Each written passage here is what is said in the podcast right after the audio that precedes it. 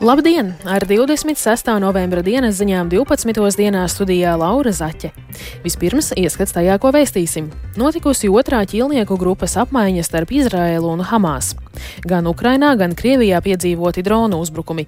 Latvijā statistika par nelaimes gadījumos darba vietā cietušajiem ir nemainīgi augsta. Par šiem un citiem tematiem plašāk ziņu turpinājumā.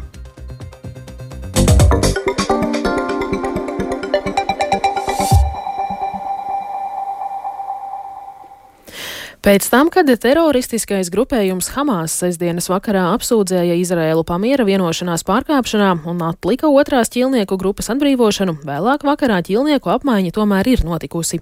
Par to plašāk stāsta Rihards Plūme. Saskaņā ar Kataras starpniecību panākto vienošanos, piekdien Hamas atbrīvoja pirmo ķilnieku grupu - 13 Izraēlas pilsoņus un 11 citu valstu pilsoņus. Savukārt Izraēla atbrīvoja 39 palestīniešu cietumniekus. Savukārt vakar tika plānota otrās ķilnieku grupas atbrīvošana. Tiesa neilgi pirms ķilnieku nodošanas starptautiskajai sarkanā krusta komitejai Hamas paziņoja, ka atliek ķilnieku atbrīvošanu, jo Izraēla esot pārkāpusi pamiera vienošanos vienošanos. Hamas pārstāvis Osama Hamdans sestdienas vakarā paziņoja: Mēs esam aicinājuši starpniekus pielikt nepieciešamās pūles, lai izpildītu visu, par ko ir panākta vienošanās, piemēram, ļautu palīdzības mašīnām sasniegt gazas ziemeļu daļu. No 200 kravas automašīnām mūs sasniegušas 70 kravas automašīnas. Turklāt, saskaņā ar ieslodzīto atbrīvošanu, mēs uzskatām, ka izrēlieši manipulē ar šo jautājumu. Mēs iestāsimies pret to. Izraela kategoriski noraidīja, ka būtu vienošanos pārkāpusi. Šāds Hamas paziņojums radīja bažas par pamiera vienošanās izjukšanu. Sesdienas vakarā aptuveni 50 tūkstoši cilvēku pulcējās mītiņā Telavivas centrā, rokās turot plakātus un tērpušies tēkraklos ar uzrakstu Atvediet viņus mājās. Tādējādi cilvēki pauda cerību, ka trauslais pamieris tomēr noturēsies. Notika intensīvs sarunu process, tostarp ar starpnieces Kataras un Ēģiptes iesaisti, un neilgi pirms pusnakts apmaiņa tomēr notika. Tika atbrīvoti vēl 13 Izraēlas pilsoņi un 4 citu valstu pilsoņi. Savukārt Izraēla atbrīvoja vēl 39 palestīniešu cietumniekus. 12 no 13 atbrīvoto izrēliešu veselības stāvoklis ir labs, tomēr vienai jaunietei, kas tika nolopīta mūzikas festivālā netālu no Gazas joslas, tiks veiktas vairākas operācijas. Viņas brālis joprojām atrodas gūstā. Ziņu vietne Valla vēsta, ka vismaz vienā gadījumā Hamas pārkāpis vienošanos un atbrīvojis kādu nepilngadīgu meiteni, taču viņas māte joprojām tiek turēta gūstā. Atbrīvoti arī divi nepilngadīgi bērni, kuru māte tika noslapkavota, bet tēvs joprojām ir pie teroristiem. Kopējais skaits, ko Hamas līdz šim ir atbrīvojis, sasniedz 41 cilvēku, bet Izrēla atbrīvojusi 78 personas. Ķīlnieku un ieslodzīto atbrīvošana gaidāma arī šodien. Abas puses līdz šim atbrīvojušas sievietes, bērnus un vecāka gadagājuma cilvēkus. Uz četrām dienām noslēgtais pamieris ilgs vēl šodien un rīt. Katara gan paudusi pārliecību, ka pamieru izdosies pagarināt, kā telekanālam CNN sacīja Kataras ārlietu ministrijas preses sekretārs Maģats Al-Ansarī. Ministrija cer pagarināt pamieru vairāk par četrām dienām un sākt nopietnākas sarunas par pārējiem ķīlniekiem. Izraēlas valdība norāda, ka pamieris varētu tikt pagarināts, ja katru dienu tiks atbrīvoti vismaz desmit izrēlieši. Hamas Gazas joslā joprojām tur ap 200 ķīlnieku. Ja pamieris netiks pagarināts un atbrīvoto ķīlnieku skaits šodien un rīt būs līdzvērtīgs iepriekšējās divās dienās atbrīvoto skaitam, no Gazas joslas varētu netikt atbrīvoti aptuveni 150 ķīlnieki. Rihards Plūme, Latvijas radio. Vakara vakarā Krievija veikusi dronu uzbrukumus pret vairākiem Ukrainas apgabaliem. Kā vēsta Ukrainas bruņoto spēku gaisa spēki, kopumā Krievija palaidusi deviņus dronu šahed, no kuriem astoņus Ukrainas spēkiem izdevās notriekt. Tomēr Donetskas apgabala okupētās daļas enerģētikas infrastruktūrai nodarīti postījumi. Todēļ vairākos rajonos pārtraukta elektroapgāde un apkure. Arī Krievijā aizvadītajā naktī notikuši dronu uzbrukumi, tā vēsta Krievijas aizsardzības ministrija. Uzbrukumi notikuši Maskavas, Tulas, Brjāns Brjanskas, Smoļenskas un Kalugas apgabalos. Daži no droniem radījuši bojājumu sēkām, un viens cilvēks guvis vieglus ievainojumus. Dronu uzbrukuma dēļ uz laiku bija pārtraukta avio satiksme Maskavas, Vnukovas un Domodedovas lidostās. Krievija norādījusi, ka esot notriekti vairāk nekā desmit no kopumā 21 drona. Tomēr neatkarīga apstiprinājuma informācijai par notriekto dronu skaitu gan nav.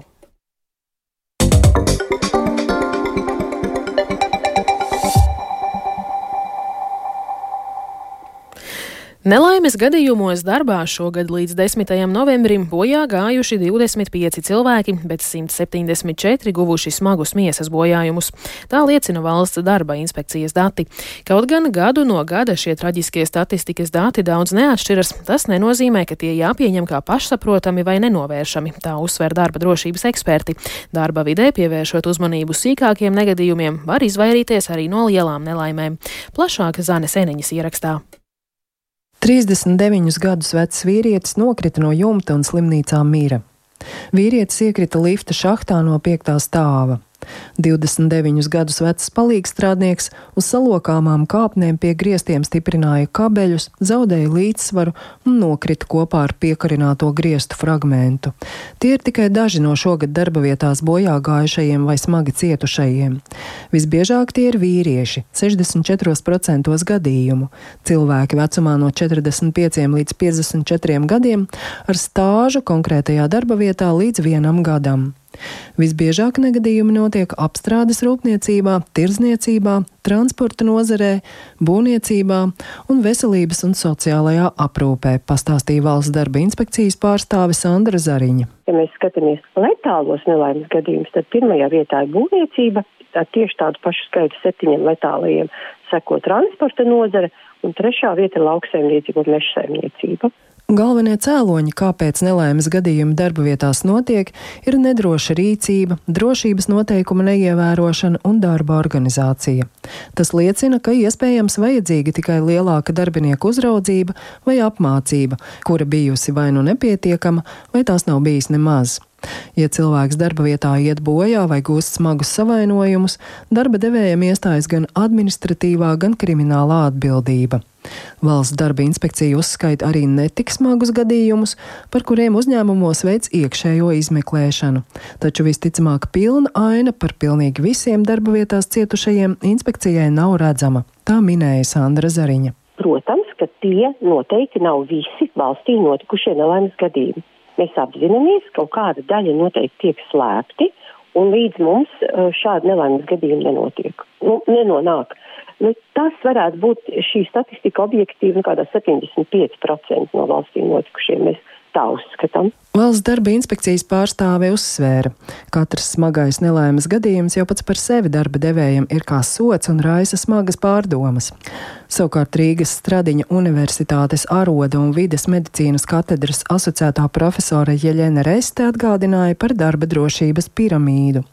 Proti ir statistiski pierādīts, ka aiz katra letālā nelaimes gadījuma darba vietā ir 30 smagi negadījumi, aiz tiem savukārt 300 vieglāki, aiz tiem 30 tūkstoši pavisam vieglu un 300 tūkstoši tādu, kam gandrīz vai vispār nepievērš uzmanību. Piemēram, kādam kāja aizķeras aiz paklāja, taču piramīda darbojas arī apgriezti. Proti, ja daudzi tepiķi dēļ paklūp, ļoti iespējams, ka kāds pakritīs, vēl kāds nogāzīsies tā, ka salauzīs kāju vai roku, bet citam šāds klupiens izrādīsies liktenīgs, norādīja Jeļena Reste. Tas liecina, smagi nelaimes gadījumi nenotiek vietās, kur godprātīgi izdarīts viss, lai tos laikus novērstu. Zana Eniņa, Latvijas radio.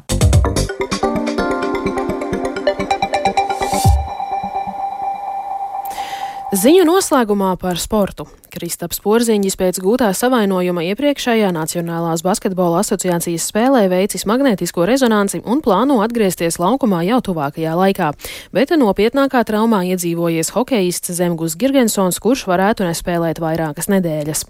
Plašāk stāsta Reinis Grunspēņķis. Piektdienas vakarā notikušajā spēlē, kurā Bostonas Celtics piekāpās Orlando Magic basketbolistiem, Kristaps Porziņš laukumu atstāja priekšlaicīgi. Magnētiskajā rezonansē viņam konstatēts kreisā ikru muskuļa sastiepums. Bostonas Celtics paziņojusi, ka Porziņš izlaidīs naktī uz rītdienu gaidāmo spēli pret Atlantas Hawks. Pats Porziņš pirms tam amerikāņu medijiem sacījis, ka neuzskata šo savainojumu par nopietnu, bet šonakt sociālajos tīklos pavēstījis, ka magnētiskās rezonanses laikā saņēmis labus rezultātus un būs atpakaļ jau drīzumā. Ar ilgāku nespēlēšanu Nacionālajā hokeja līgā būs jārēķinās Zemgum Girgensonam. Arī viņš iepriekšējo maču nepabeidza traumas dēļ. Viņa pārstāvētā Buffalo Sabres paziņojusi, ka Girgensons guvis ķermeņa lejas daļas savainojumu un izlaidīs vismaz nedēļu vai pat vairākas nedēļas.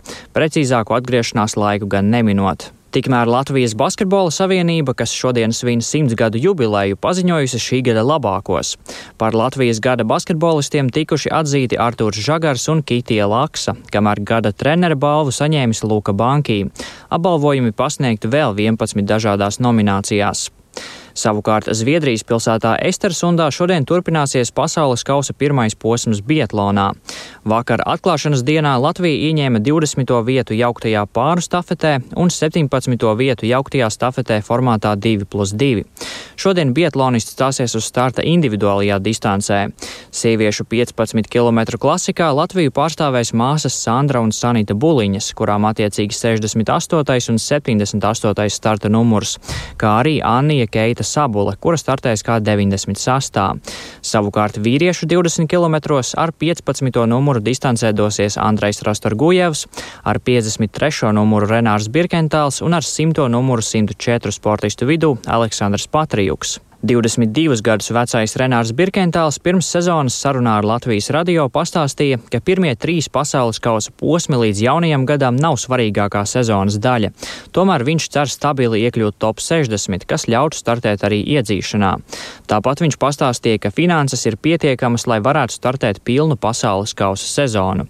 Par paveikto starpsezonā stāsta Renārs Birkentāls. Šīs starpsezona īstenībā tikai tik diezgan produktīvas, teikt, no tiem līdzekļiem, man bija, man strādāja to, kas man bija, un uh, konkrēti es neteiktu, ka ir kaut kas, kur es veicu ļoti liels uzlabojums, vairāk es teiktu, ka ir, es esmu uzlabojis sevi daudzpusīgā ziņā, no visiem aspektiem mazliet es esmu, teiksim, tā kļūst mazliet labāks, un tas progress ir, ir redzams arī, ir redzams arī rezultātos. Sievietes Estersunas trasē dosies jau pulksten 12.20, bet vīriešu starts paredzēts pulksten 15.30. Tiešraidē abas sacensības būs vērojamas kanālā LTV 7.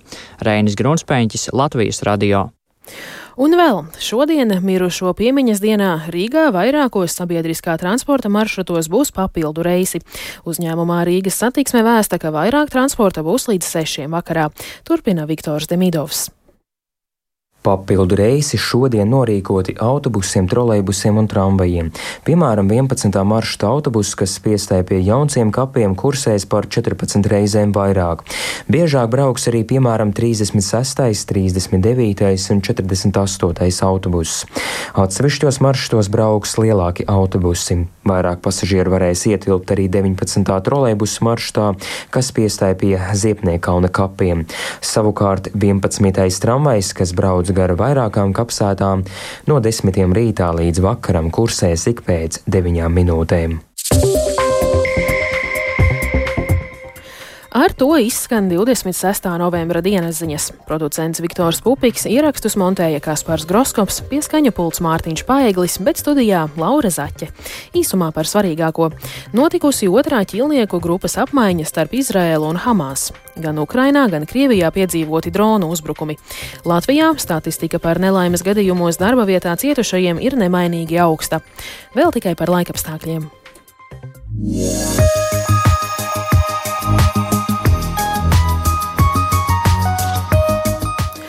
Gaisa temperatūra Rīgā šobrīd ir mīnus 5 grādi un pūž ziemeļa austrumu vējš 3 m2. Atmosfēras spiediens 755 mm, bet relatīvais gaisa mitrums ir 78%. Latvijā šodien ir daļēji mākoņains un vietām sniega. Ceļi visas dienas garumā būs slīdeni. Pūš ziemeļu puses vējš līdz 5 m2 un gaisa temperatūra valstī ir no mīnus 6 līdz mīnus 1 grādam. Rīgā pārsvarā saulains un būtiski nokrišņi šodien nav gaidāmi gaidāmi. Pūš ziemeļa austrumu, austrumu vējš 2,5 m2, bet gaisa temperatūra Rīgā ir ap mīnus 4, mīnus 2 grādiem.